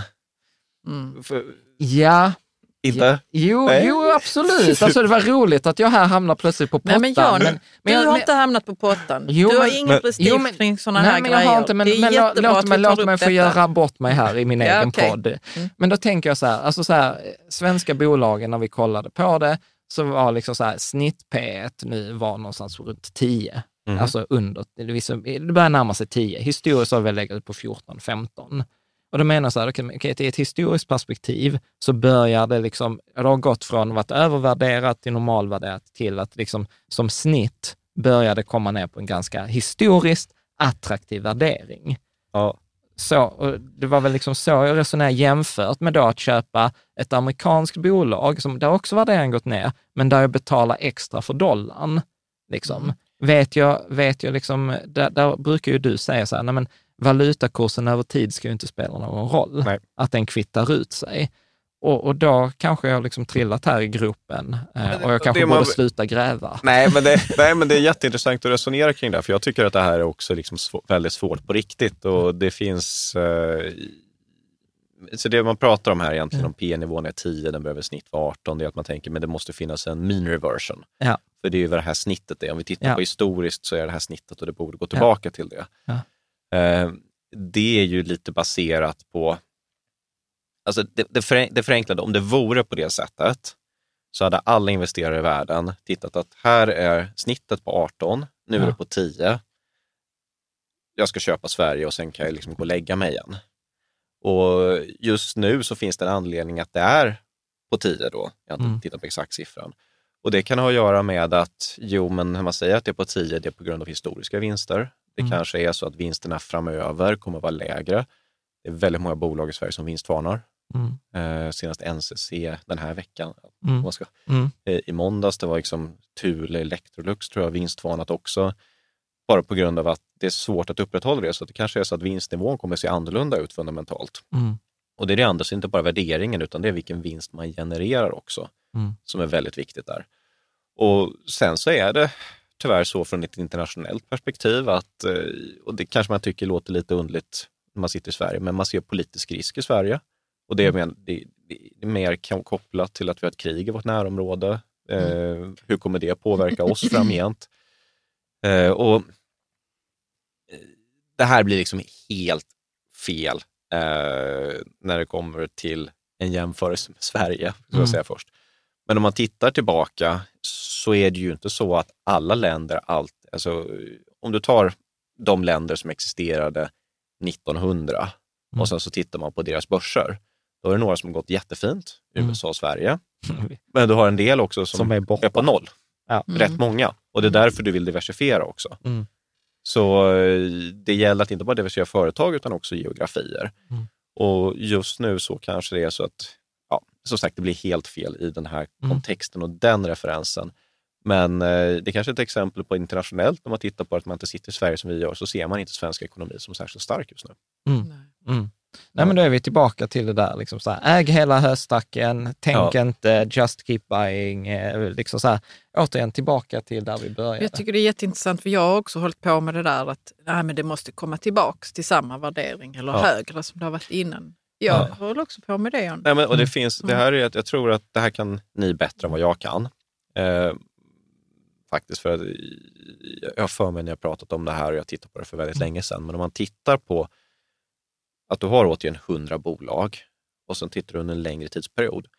Hur många av de bolagen är det som skapar den här överavkastningen för att mm. få de här 7-8 procenten vi är ute efter? Jag mm. tror att det är 15 procent. Nej, nej. nej fyra. Fyra, okej. Okay. Fyra. Helt sjukt. Fyra, det, men, det är så här vanligt, ja. alltså den sjukaste siffran, detta är från Bessenbinder eh, 2008. Okej, okay. det, det, var bra. Så 20, kunde, ja, kunde det här bättre. Ja, men Bessenbinder 2018 2020, han ja. kollade på 63 000 bolag och konstaterade av de 63 000 bolagen i hela världen så var det 1500 som skapade all överavkastning mot räntor. Och det här borde ju ha en direkt genomslag på den här tanken också för att då kan man ju sitta och titta på de här andra 96 bolagen i så fall och säga mm. men de är ju under vad de varit värderade tidigare, de borde man köpa. Mm. Så att eh, på den, utan då är det bättre att gå hela tiden på den här höstacken och det kanske är så där att de där 4 procenten, de har ju då ett P på 40. Mm. Mm. Så att eh, Alltså, det... han, han har blivit så diplomatisk. Han har liksom så här bett en så att ja, du har jättefel och jag sitter här och tackar för det. Nej, men, men, det är helt rätt. Okay. Det är helt rätt. Nej, men det, det är helt jag rätt. Tror, har jag blivit? Jag har inte alltid varit ja, diplomatisk. Jo, du har alltid varit det, men Jan känner sig extremt träffad idag. okay. att det har varit en sån, eh, liksom ett vitt, vad ska man säga, en blind fläck. Ja, det har varit en lite blind fläck och vi, vi, vi är många. Jag, har mass, men jag tror alla har massor med blinda fläckar. Ja.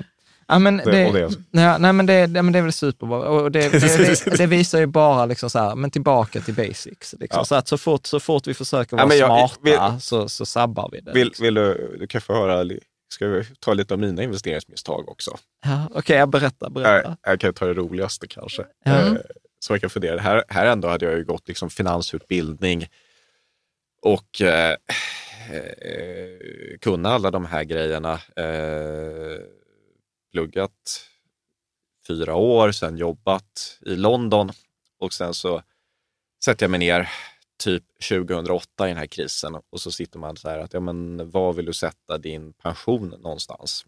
Och på det bolaget jag arbetade då. Och jag tyckte så här, ja, det här känns ju läskigt, liksom finanskrisen. Ja, 60 procent guld det, det känns liksom... Har du haft guld? Ja, ja absolut. Ja, men, det, men, det är ändå inte så förvånande. Men jag var rätt, ja, då var man rätt lite, vad säger man, källchockt helt enkelt. Det smällde överallt. Det var ja. liksom, Lehman gick i konkurs. Ja. Jag jobbade på en private equity-firma som plötsligt fick amerikanska staten som största investerare när de köpte AIG. Så mm. att det, det dök upp några representanter från amerikanska staten istället, där det var tidigare, som undrade lite vad, vad vi gjorde med deras pengar.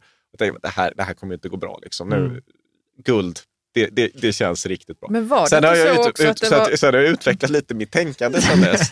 det som är lite trist det är att det är väldigt svårt att få tillbaka en pension från England för att du måste gå till ett försäkringsinstitut så i Sverige. Så du har kvar guldet? Det, det, är inte jättemycket pengar, men det ligger nog lite guld där som jag inte kan ändra. Men alltså så, till ditt försvar, att, det var väl det här, rätt många som... Men det, men det, men det, är extra roligt så, eftersom vi har haft ja, den här ja. frågan med så här, när tar du i sig en guld? Nej, det kommer vi nog inte göra. Men eh, det, det är väl bara för att tänka liksom att eh, som sagt, jag hade inte tänkt på det så mycket som jag har gjort nu kring hur man ska investera långsiktigt. Men jag hade absolut tänkt på det rätt mycket. Ja. Ja. Och i den situationen där, när man såg vad som inträffade, många man kände fick sparken från till exempel mm. Lehman Brothers, det var osäkert på vem är näst, kommer någon klara sig? Ja. Men det var det eh, jag tänkte säga, till ditt ja. försvar var det väl många som var i branschen som var jätteoroliga och som liksom ville flytta ut från stan och sånt? Ja, ja alltså man kan titta tillbaka även i Sverige då. Det var ju på tapeten, alltså vi hade ju flera svenska välrenommerade banker som gick i konkurs ja. under den tiden, två stycken. Eller ja, en som gick i konkurs och en som togs över av Riksgälden. Eh, jag vet inte exakt vilken struktur det hade. Mm. och det var ändå en del storbanker man var väldigt bekymrad ja, över. Till exempel. Ja, det finns en mm. intressant bok, där spelet om Swedbank, mm. som man kan läsa om man är lite nördig.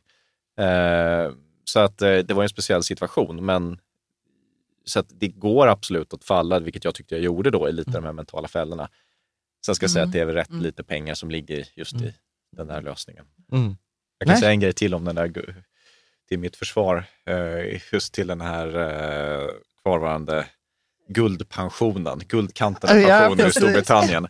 Så eh, kostnaden att få över den till Sverige skulle vara hälften av vad jag har det är den här så. personen. Så Men att, grejen är så här, vi har ju alla våra, vi har ju liksom tagit upp det också, vi, vi, har, liksom, där vi blev stämda av den, liksom, i turkisk domstol. Över, ja, den, ja. Det är kanske inte roligt, kanske man kan säga, men spännande. Exakt, alltså jag kan säga så här, det började, lång, lång historia, men vid ett tillfälle så fick vi ett rekommenderat brev. Jag vet inte hur du tycker, men jag tycker rekommenderade brev är läskiga. Ja, det, om man inte, om man inte om förväntar, om man förväntar sig att rekommendera. Och, och sen när man väl går och hämtar det och så står det svenska justitiedepartementet. Ja, då blir det på, sämre.